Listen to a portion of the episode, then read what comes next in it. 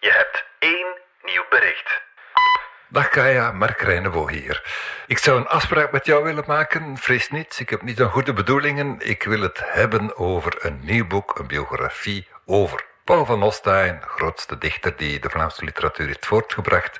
Een biografie geschreven door Matthijs de Ridder. En meer nog, ik zal Matthijs meebrengen. Ik ben Kaya Verbeke en van de Standaard is dit Radar, je wekelijkse cultuurpodcast. Radar. Radar. Radar.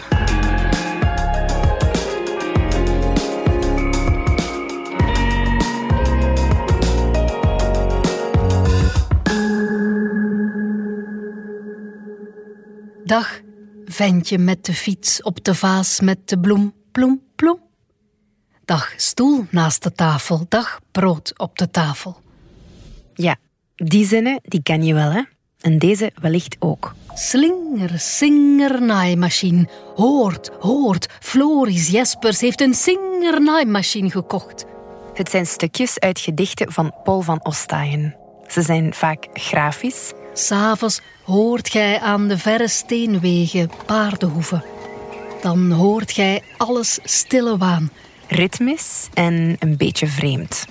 Van verre maanfonteinen zijpelt plots water. Maar wist je al dat Van Ostaaien ook de wereld wilde veranderen? Wij veranderen nu wel de kunst, maar eigenlijk veranderen we daarmee ook de wereld. We maken alvast een vorm voor een wereld die eigenlijk nog moet ontstaan. De dichter die de wereld wilde veranderen. Dat is meteen ook de titel van de nieuwe biografie over Van Ostaaien. De auteur, Matthijs de Ridder, schreef maar liefst 904 pagina's. Hij komt vertellen over de man achter de gedichten, samen met onze eigen Van Ostaaien-fan en kenner Mark Reinebo. En dichter Moot van Houwaard brengt de gedichten tot leven. Balkenslag. Welkom bij Radar. Radar. Radar. Radar. Dag Matthijs en Mark, welkom. Hallo. Hallo. Ik heb begrepen dat jullie allebei een grote fan zijn van het werk van Van Ostaaien en zelfs samen in een clubje zitten. Nee, er is zo'n uh, club van Ostaaien Vrienden, die al heel lang actief is, eigenlijk van in 1996 bij de, honderdste, bij de viering van de honderdste sterfdag. Informeel clubje? Of, uh... Een zeer informeel clubje. Ja. En er waren toen allerlei feestelijkheden. Van Ostaaien is toen eigenlijk weer herontdekt geworden. En toen zijn we daar blijven over praten. En het was voornamelijk om onze avonden op café uh, gezellig te houden. Omdat daar toch altijd, ja, het was een beetje roddelen eigenlijk. En, en toen op een bepaald moment was het idee van... Nu moet Matthijs die biografie schrijven. En voilà, dat is er nu. Na het grote overzichtsboek van Gerrit Borgers uit 1971. Ja, klopt. Is er dan nieuw archiefmateriaal opgedoken? Ja, er is wel, er is wel wat nieuw materiaal opgedoken. In, in archieven bijvoorbeeld ergens ver in Duitsland... Waar, waar ze nog niet waren gaan zoeken daarvoor. En in Amerika en, en her en der. Ja, ontmoet je nog wel eens iemand... bijvoorbeeld in Brussel een paar jaar geleden... waar ik hielp om een gedenkteken te onthullen. Na de hand werd ik aangesproken door iemand... en die zei van, nou, thuis hebben wij nog een opstel en een brief... En dat is geweldig, geweldig nieuws. Maar ik vroeg dan wel gelijk van, uh, hoe heet u dan? Hè? Wat, wat is de familieconnectie? Nou, toen ze dat had uitgelegd, begreep ik, dit materiaal heb ik nog niet. En die brief Spannend. was helemaal nieuw. Maar Ja. wat nog veel spannender was, dat verhaal, het opstel, wat ze, hè, dat was ook helemaal nieuw. En dat bleek een, een, een totaal onbekende groteske te zijn. Dat is een, een licht absurd verhaal. En daarin zet hij eigenlijk de wereld op zijn kop. De Sandwichmen hebben de les goed begrepen. Zelfs te goed. Zoiets kan gebeuren.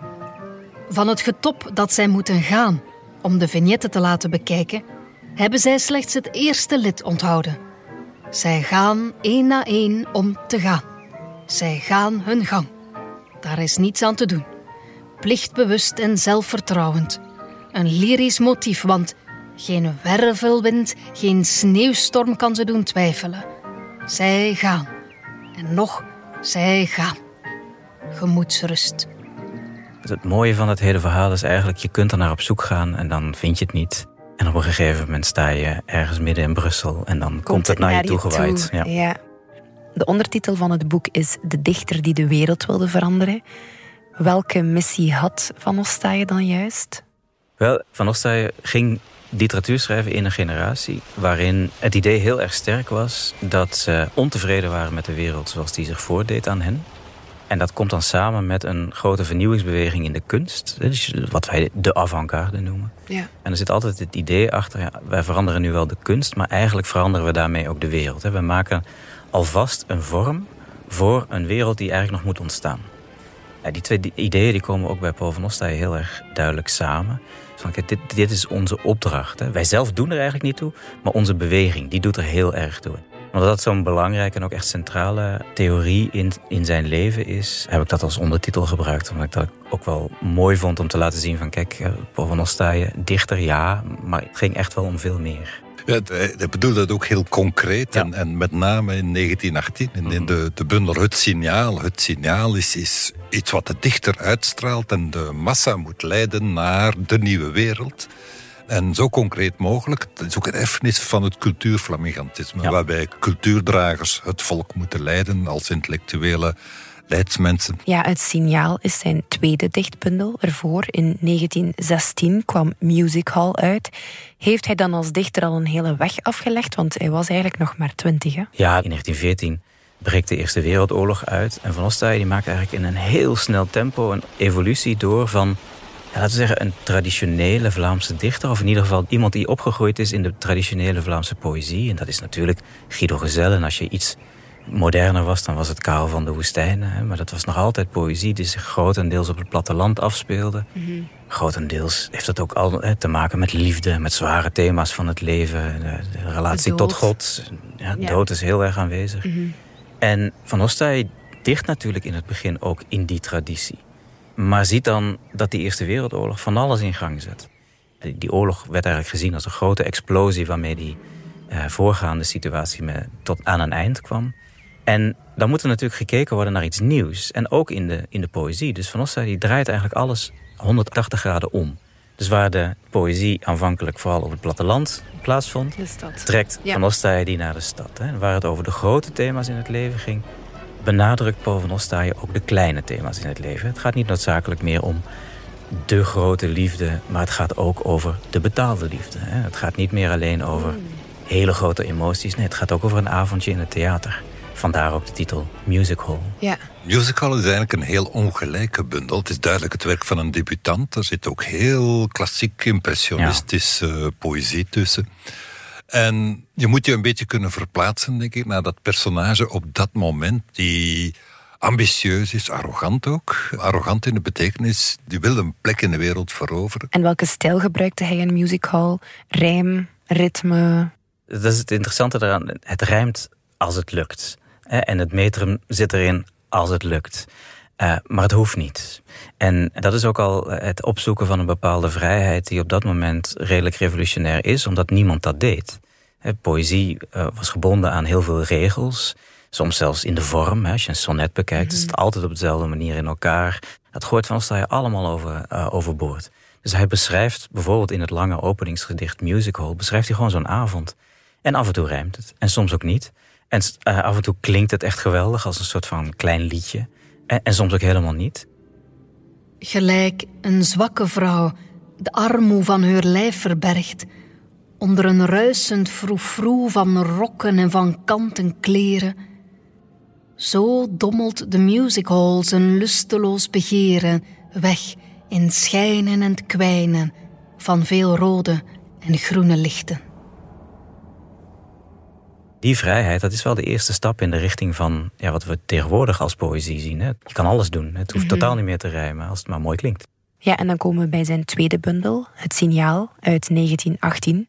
Gaat hij dan verder op Music Hall of doet hij iets helemaal anders? Nee, eigenlijk was het heel iets anders. En dat, dan kom je ook uh, bij iets wat Van ons daar heel erg tekent. Iedere keer als hij een nieuw boek maakt, uh, vindt hij ook dat het een nieuw boek echt een totaal ander boek zou moeten zijn.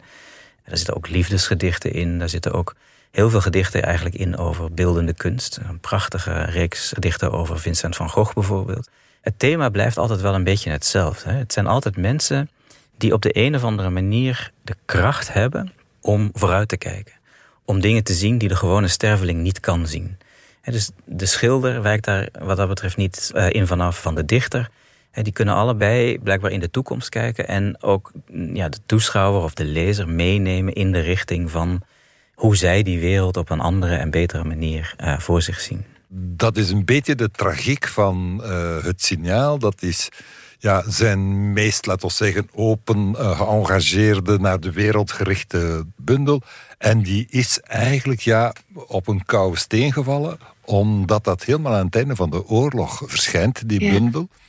En ja, dan is er de hele chaos van het einde van de bezetting, de Duitsers die wegtrekken en de bundel die eh, ja, eigenlijk vernietigd wordt, wordt in beslag genomen. En wat er is, wordt vernietigd. Er zijn maar een paar exemplaren van overgebleven. Maar het merkwaardig is wel, die, zijn er dat weinig exemplaren die overblijven. Maar die exemplaren die er zijn, die zijn eigenlijk heel erg gewild. Niet meteen, hè, want het is inderdaad chaos en, en al.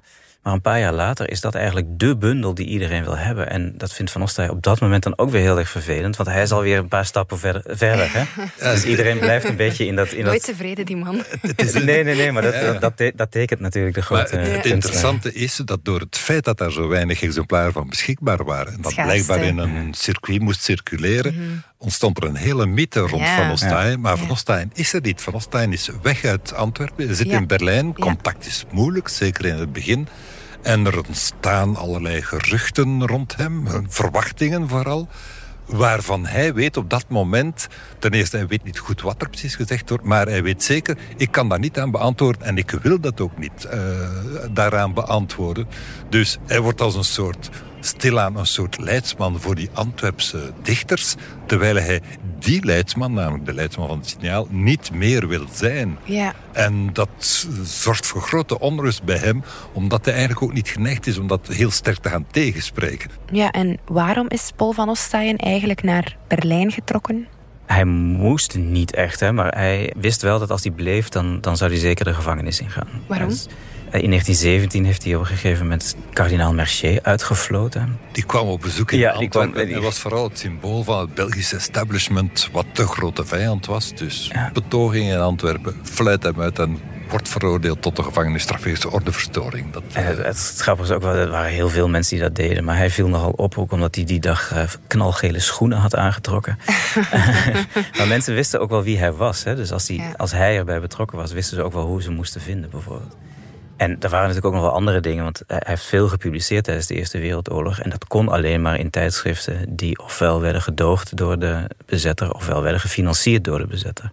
En op de achtergrond, maar dat wist men niet, is hij ook wel betrokken geweest bij een plan om een soort van Vlaamse politiemacht uh, op te zetten.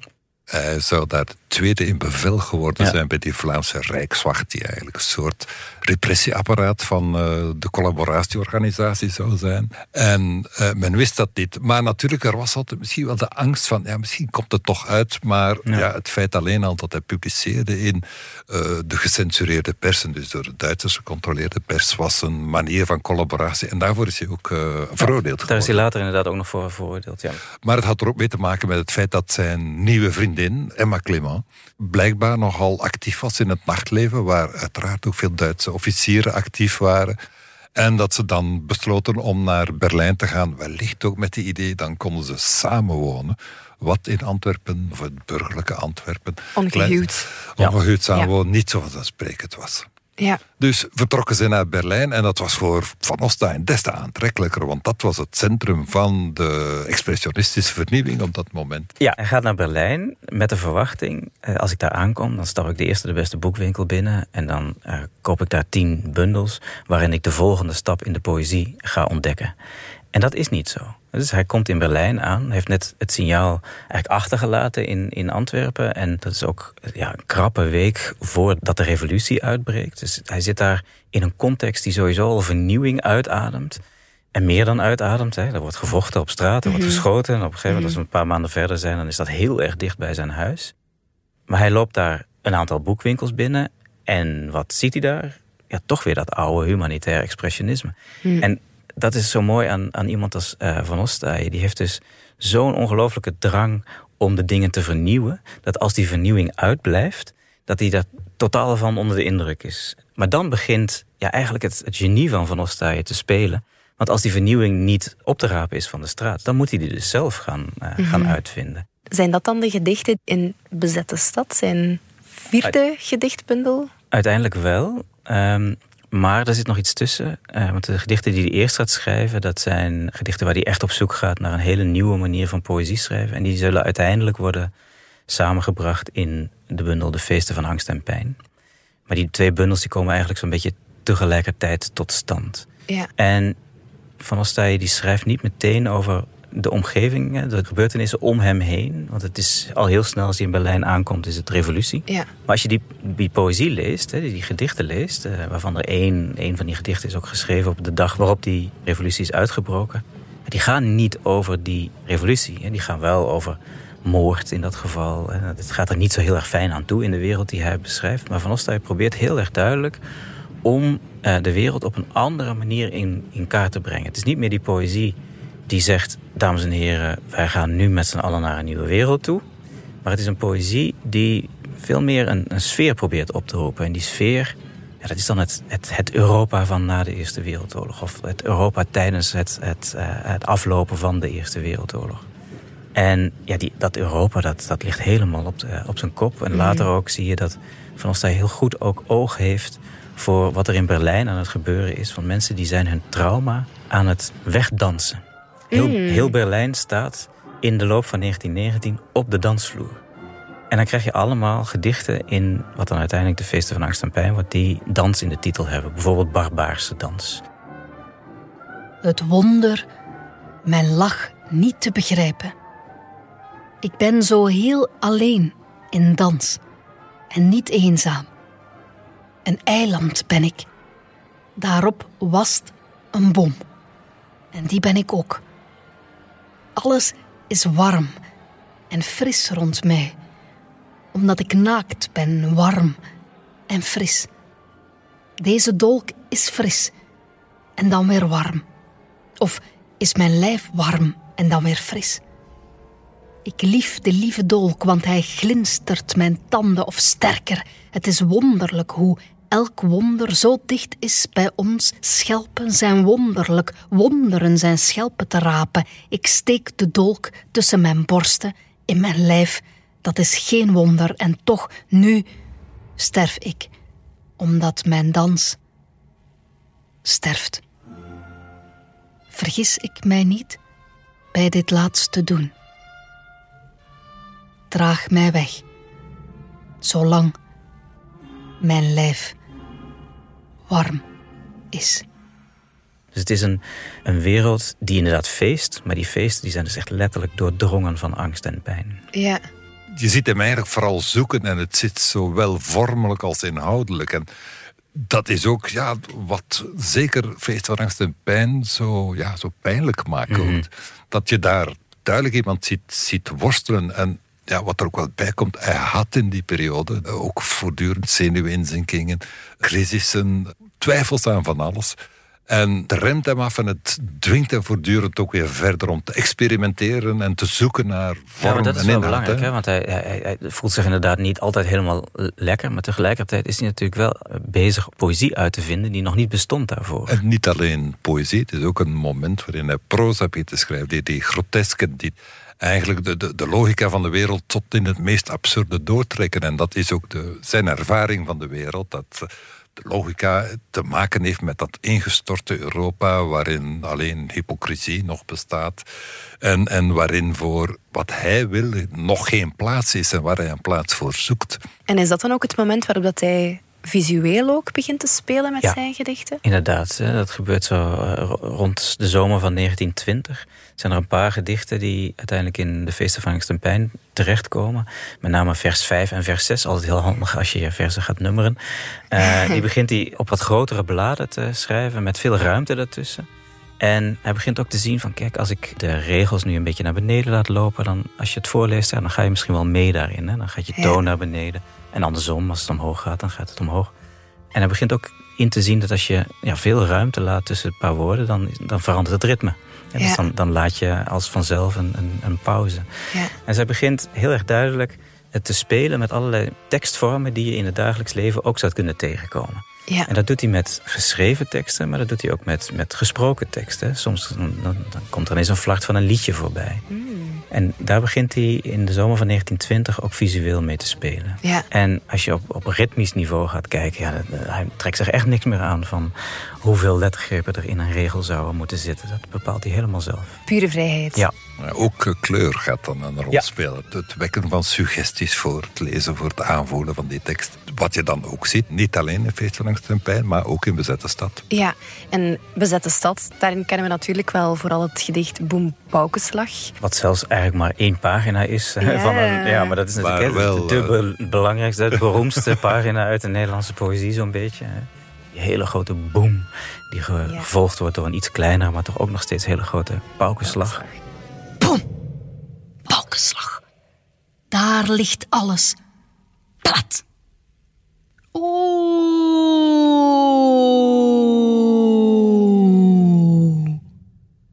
Weer razen violen, shelly, bassen, koperen, triangel, trommels, pauken. Razen, rennen, razen, rennen, razen, rennen. Stop. Drama in volle slag. Hoeren, slangen werpen zich op eerlijke mannen. Het gezin wankelt. De fabriek wankelt. De eer wankelt. Ligt er. Alle begrippen vallen. Halt. Het is zo'n iconisch beeld geworden. Maar als je dan dat hele gedicht gaat lezen...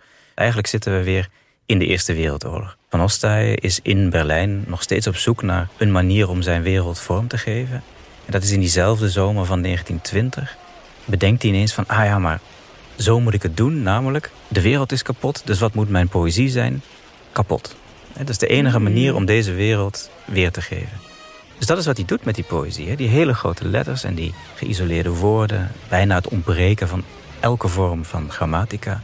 Het is allemaal uit elkaar gespat en het is...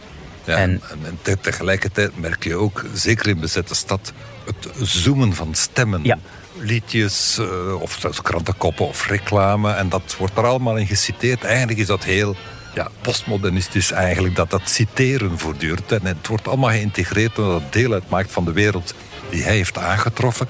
En wat ik daar eigenlijk wel ingenieus aan vind, dat is dat het onderwerp is de Eerste Wereldoorlog. Maar tegelijkertijd zie je daar ook in dat het de wereld na de Eerste Wereldoorlog is. Ja. Moord op Karl Liebknecht, een socialistenleider, is daar een, een mooi voorbeeld van. En de integratie van die twee toont ook een vorm van leerproces. Hij herdenkt zijn oorlog, althans mm hij reconstrueert die in, in dit soort poëzie. En tegelijkertijd is, is het ook heel erg ingebed in de tijd die hij beleeft van na de oorlog, van 18 tot 21. Als je naar Boem Paukenslag zelf gaat kijken, dat is eigenlijk precies dat wat er gebeurt.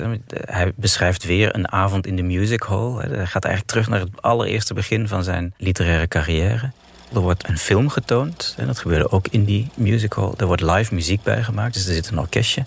En hij beschrijft die film. En die film dat is, niet veel waard. Hè. Hij had veel liever een andere film gezien.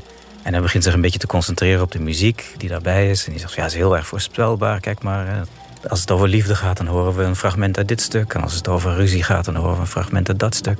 En uiteindelijk komen we dan bij de apotheose van de film. En dat is natuurlijk ook de apotheose van de muziek. En dan gaat de dirigent dus op, uh, hoog op zijn stoel staan. En dan klimmen de bassen en de celli omhoog. En wat gebeurt er dan? Boom! Paukenslag. Hmm. Maar op het moment dat die boom paukenslag klinkt... is het niet meer alleen de muziek. En dan zit iedereen eigenlijk weer terug op het moment dat Antwerpen wordt gebombardeerd. Dus die oorlog is altijd aanwezig. En dat is wat door die hele bundel uh, heen zit. De wereld wordt beschreven. Antwerpen wordt tijdens de Eerste Wereldoorlog beschreven. Maar zoals Mark zegt, ook de wereld daarna wordt beschreven. En wat is er met die wereld aan de hand? Die is nog steeds doordrongen en doortrokken van alles wat die oorlog kapot heeft gemaakt. En wat kan dan alleen maar de conclusie zijn, volgens Van Ostaaien? Ja, dat we daar met ons allen allemaal mee op gaan houden. We moeten een punt zetten achter dat hele systeem en we moeten opnieuw beginnen. En dat is dus het moment waarop hij verlangt, letterlijk en heel concreet verlangt naar een revolutie. En die revolutie heeft hij meegemaakt. Dat zit ook in diezelfde bundel. Uh, in het uh, afsluitende gedicht De Aftocht zitten we heel even in de revolutie in Berlijn. En dan komen Karl Liebknecht en Rosa Luxemburg ook om de hoek zetten. De mensen die uiteindelijk vermoord worden in die revolutie. En daarmee laat Van Ostaaij zien van kijk, we hadden de kans, maar die revolutie is in de knop gebroken. Deze twee mensen die zijn vermoord. En daarmee is eigenlijk de kans die wij op dit moment hadden verkeken. Allons, travailler! Waarom? Waarom? Waarom? Lig nou niet te klassen. Het leven. Ach, ach. Alles is zonder zin. Nu. Kattendrek. Leven de gekrepeerden. Vive Max. Misschien wordt eens de nood zo groot. Alle dijken breken. Dat zijn de laatste woorden van bezette stad. Dus misschien wordt het ooit nog erger dan het nu al is geweest. Misschien maken we nog iets mee dat veel erger is dan de Eerste Wereldoorlog. En dan zal de mensheid zeggen: tot hier en niet verder. Er is ook een, een persoonlijke tragiek aan. De aftocht is ook zijn eigen aftocht uit Berlijn terug naar Antwerpen. Zijn lief kwijt, niet echt gelukt als dichter. Financieel niet gelukt, zeker niet wat zijn ouders zouden hebben gewenst. En ja, dan moet hij zich overgeven en zegt van ja, ik, even, ja, ik zal maar uh, zowel de gevangenisstraf trotseren als de legerdienst die hem nog wacht. Maar ah. hij ziet geen uitkomst meer, dus uh, een periode is afgesloten. En ook dat is die aftocht. Ja, en ook zijn eigen aftocht nadert, want op 32-jarige leeftijd, heel jong dus, sterft hij aan tuberculose. En na zijn dood verschijnt er nog een bundel, hè? nagelaten gedichten. Die, die nagelaten gedichten, of wat wij nagelaten gedichten noemen, is een veelzijdige of een heteroclite verzameling van gedichten in allerlei vormen. zoals Alpenjagerslied over Hendrix en Windrix, die berg op berg aflopen, Mark Morgens de dingen, Melopé. Dat zijn allemaal heel bekend geworden gedichten. Ja. Wat mij ook wel trof, is dat in die nagelaten gedichten zich over een periode van enkele jaren uitspreiden. Gewoon ja, wat hij heeft geschreven, eventueel gepubliceerd. Is dat je ook daar een verschuiving in ziet. Helemaal aan het einde van zijn dood heb je gedichten als Witte Hoeven achter de zoom. En je ziet daar toch een verschuiving en misschien ook een urgentie die hmm. meer in die gedichten zit, waar niet spelen en het experimenteren de hoofdtoon zet, maar hier is toch iets ernstiger aan de hand. Nog één vraag. De dichter die de wereld wilde veranderen, hè, de titel. Heeft hij dat ook effectief gedaan op een bepaalde manier? Mijn wereld wel. En volgens mij ook de wereld die wat in bredere cirkels om mij heen ligt ook wel.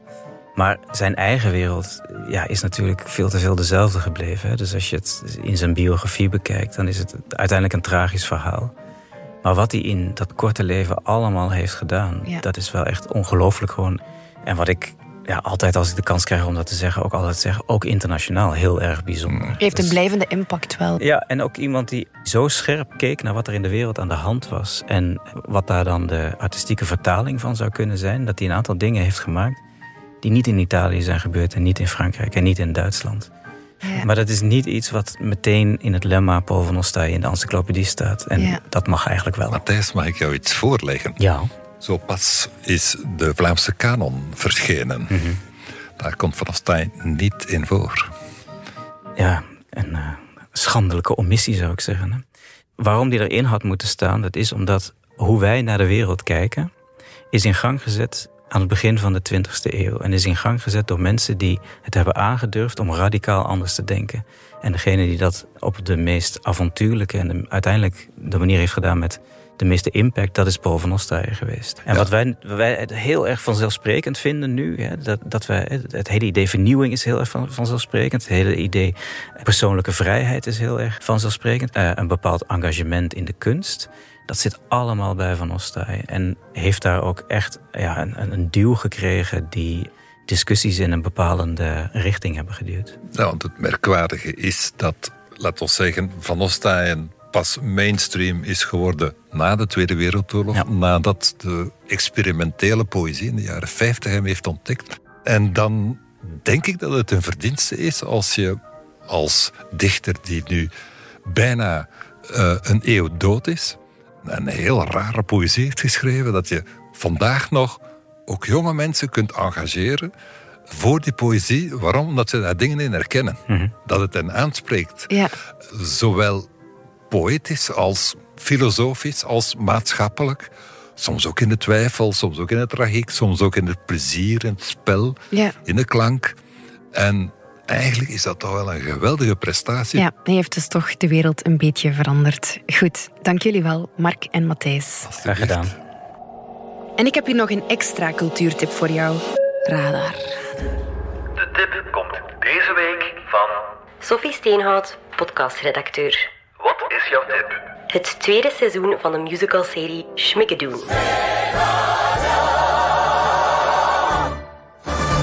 En waarom?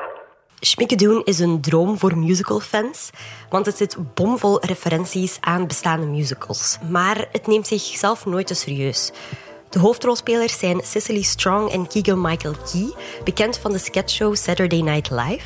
Zij belanden in het vorige seizoen op zoek om een relatie te redden in een heel happy, traditionele wereld, dat eigenlijk een mix is van verschillende musicals uit de jaren 40 en 50. Dit seizoen zitten ze opnieuw in de problemen en gaan ze terug op zoek naar die wereld die hen heeft geholpen. Maar in plaats van de happy wereld van Schmikkedoen belanden ze in Schmikago. Dat refereert naar de musicals van de jaren 60, 70, zoals Chicago en Cabaret. Donkerder, ook sexier, maar nog altijd wel een verhaal met voldoende jazzhands voor de liefhebbers. Schmikkedoen, seizoen 2, te zien op Apple TV. Bedankt voor jouw bijdrage. Thanks for the tip. Radar. Radar. Radar. Zo, dat was Radar, de wekelijkse cultuurpodcast van de Standaard. Alle credits vind je op standaard.be-podcast. Bedankt voor het luisteren en uh, tot volgende week. Hè.